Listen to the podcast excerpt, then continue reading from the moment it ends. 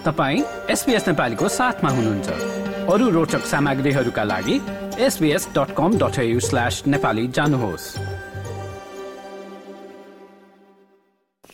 नेपालमा यो हप्ता त्यस्तो धेरै महत्त्वपूर्ण घटनाहरू त भएका छैनन् तर सार्वजनिक चासोका केही घटनाहरू केही सरकारका निर्णयहरू केही प्रधानमन्त्रीका अभिव्यक्तिहरूले यो हप्ता अलिकति तातो नै रह्यो। सुरुमा एउटा दुःखद घटनाबाट यो हप्ताको समीक्षा सुरु गरेँ मैले।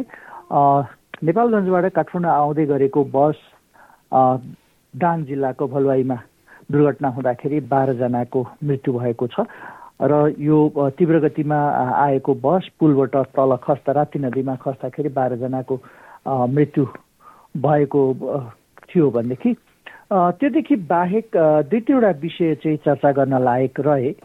एउटा त यसै हप्ता परेको माघी हाम्रो थारू चौधरी र मगर समुदायले धुमधामका साथ माघी मनाउनुहुन्छ।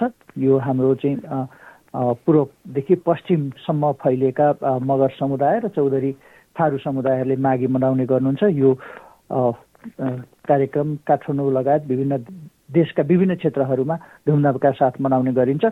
सँगसँगै अर्को एउटा अनौठो विषयको थोरै चर्चा गर्न मैले उपयुक्त ठाने त्यो भनेको केही दिन अगाडि ताइवानमा सम्पन्न निर्वाचनमा अमेरिकी पक्षधर भनिएका व्यक्ति निर्वाचित भएको समाचार आइरहेको बेला नेपालका प्रधानमन्त्रीले ताइवान चिनको अभिन्न अङ्ग हो र ताइवानको स्वतन्त्रताको पक्षमा छैनौँ हामी विपक्षमा छौँ भनेर चाहिँ एउटा अभिव्यक्ति दिनुभएको थियो। त्यो पनि चिनको नववर्षको पूर्व सन्ध्यामा आयोजित काठमाडौँमा आयोजित एक कार्यक्रममा लिखित मन्तव्य दिँदै यो धारणा सार्वजनिक गर्नु गर्नुभएको थियो। यो एउटा अनौठो चाहिँ के छ भने नेपालको कोही पनि कार्यकारी व्यक्तिले कुनै एउटा देश विशेषको प्रसङ्गमा यति मसिनो गरी अर्थात् यति चाहिँ त्यो त्यो विषयलाई नै उठाउने गरी बोलेको चाहिँ यो झन्डै झन्डै पहिलो नै जस्तो लाग्छ। त्यसमाथि पनि वर्तमान प्रधानमन्त्री प्रचण्डले बोलेको चाहिँ पहिलो जस्तै लाग्छ। हुन त हामीले एकछिन नीतिलाई वर्षौँदेखि लिँदै आएका छौँ तर एउटा ठोस विषयमा चाहिँ यसरी अभिव्यक्ति दिएको थिएन। यो एकदमै अनौठो र अर्को भनेको चाहिँ अघिल्लो हप्ता भारतीय विदेश मन्त्रीको नेपाल भ्रमण र त्यसबेला भएका एक दुईवटा सम्झौताका विषयमा चाहिँ अहिले पनि चर्चा र त्यसको तरङ्ग छ। दस हजार मेगावाट बिजुली नेपालबाट भारतले किन्ने जति स्वागत योग्य कुरा थियो त्यो सँगसँगै त्यसका संशय चाहिँ के रह्यो भने भारतीय या चिन बाहेकका अरू देशहरूको लगानी भएको जलविद्युत परियोजनाबाट उत्पादित विद्युत हो या सबैको हो भन्ने के हो छुट्याउनुपर्छ भनेर पनि चर्चाको विषय रह्यो भने अर्को चाहिँ यो विशेष महत्त्वका प्रस्तावहरू बिस करोडसम्मका विशेष महत्त्वका प्रस्तावहरू भारतले सिधै सम्झौता गरेर दिने भन्ने कुराको पनि यहाँ अहिलेसम्म चर्चा छ। अस्तिको दिन सत्ता साझेदार नेकपा समाजवादी एकीकृत समाजवादीको सचिवालय बैठकले त यी विषयहरू संवेदनशील छन् त्यसलाई चाहिँ सार्वजनिक गर्न हामी माग गर्दछौँ भनेर निर्णय नै गरिसकेको अवस्था छ।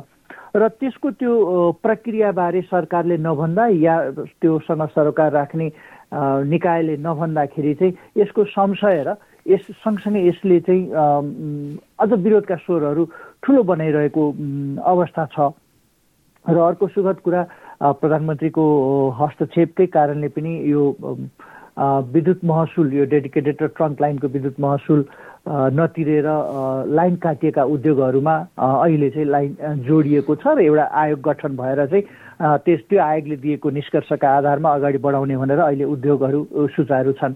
यो चाहिँ किन पनि मैले उठाएँ भने नेपालले फागुन महिनामा लगानी सम्मेलन गर्ने भनिरहेको अवस्था छ।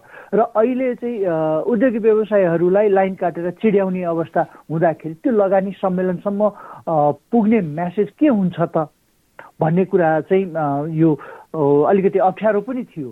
के म्यासेज दिने के सन्देश दिने भन्ने थियो। त्यसले गर्दाखेरि पनि सरकारले हस्तक्षेप गरेर अहिले लाइन जोडिएको छ। र अर्को एउटा खुसीको कुरा चाहिँ भारतको चर्चित अर्थात् विश्वमै चर्चित अडानी समूह अहिले नेपाल आइरहेको छ। उनीहरूले चाहिँ नेपालीमा ठुलो लगानी कुनै परियोजनाहरूमा ठुलो लगानी गर्न चाहिँ खोजी गरिरहेका छन्। समाचारहरूमा आएअनुसार चाहिँ सिमेन्ट उद्योग र जलविद्युत मा चाहिँ लगानी गर्न खोजिरहेका छन्। यसमा द्विपक्षीय त्रिपक्षीय वार्ताहरू भइरहेको छ। यो पनि आगामी फागुनमा नेपाल सरकारले गर्ने भनेको लगानी सम्मेलनका लागि चाहिँ यो महत्त्वपूर्ण पनि हुन्छ।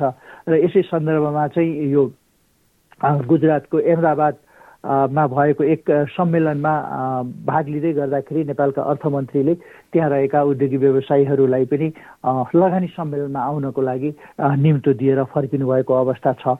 र अर्को भनेको प्रधानमन्त्री हिजो बेलुका भनौँ एक बजे दुई बजे युगान्डा प्रस्थान गर्नुभएको छ। यो असंलग्न राष्ट्रहरूको सम्मेलन चलिरहेको छ। भोलि यसको औपचारिक कार्यक्रम छ भने मन्त्री स्तरीय बैठक र छलफलहरू चाहिँ भइरहेका छन्।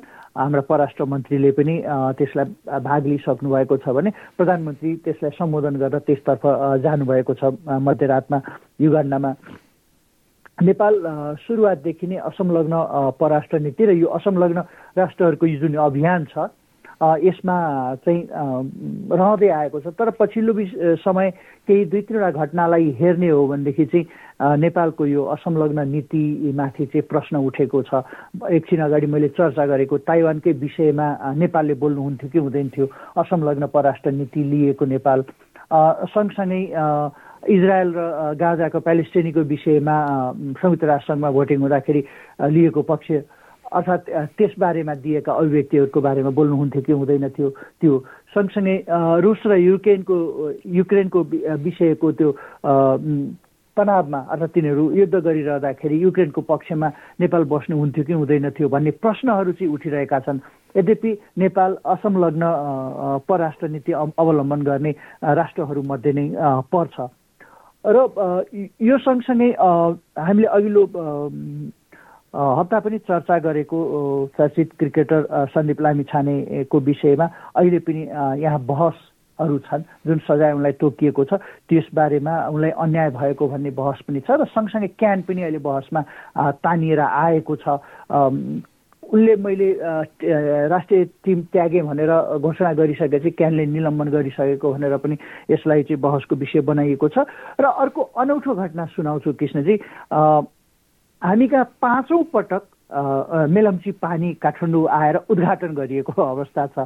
यो सुन्दा पनि अचम्म लाग्छ। एउटा परियोजनाको चाहिँ पाँचौँ पटक उद्घाटन हुने भनेको चाहिँ यो यो कस्तो अवस्थामा छौँ कस्तो राजनीतिमा छौँ र कस्तो सन्देश दिइरहेछौँ हामीले जनतालाई भन्ने जस्तो लाग्छ।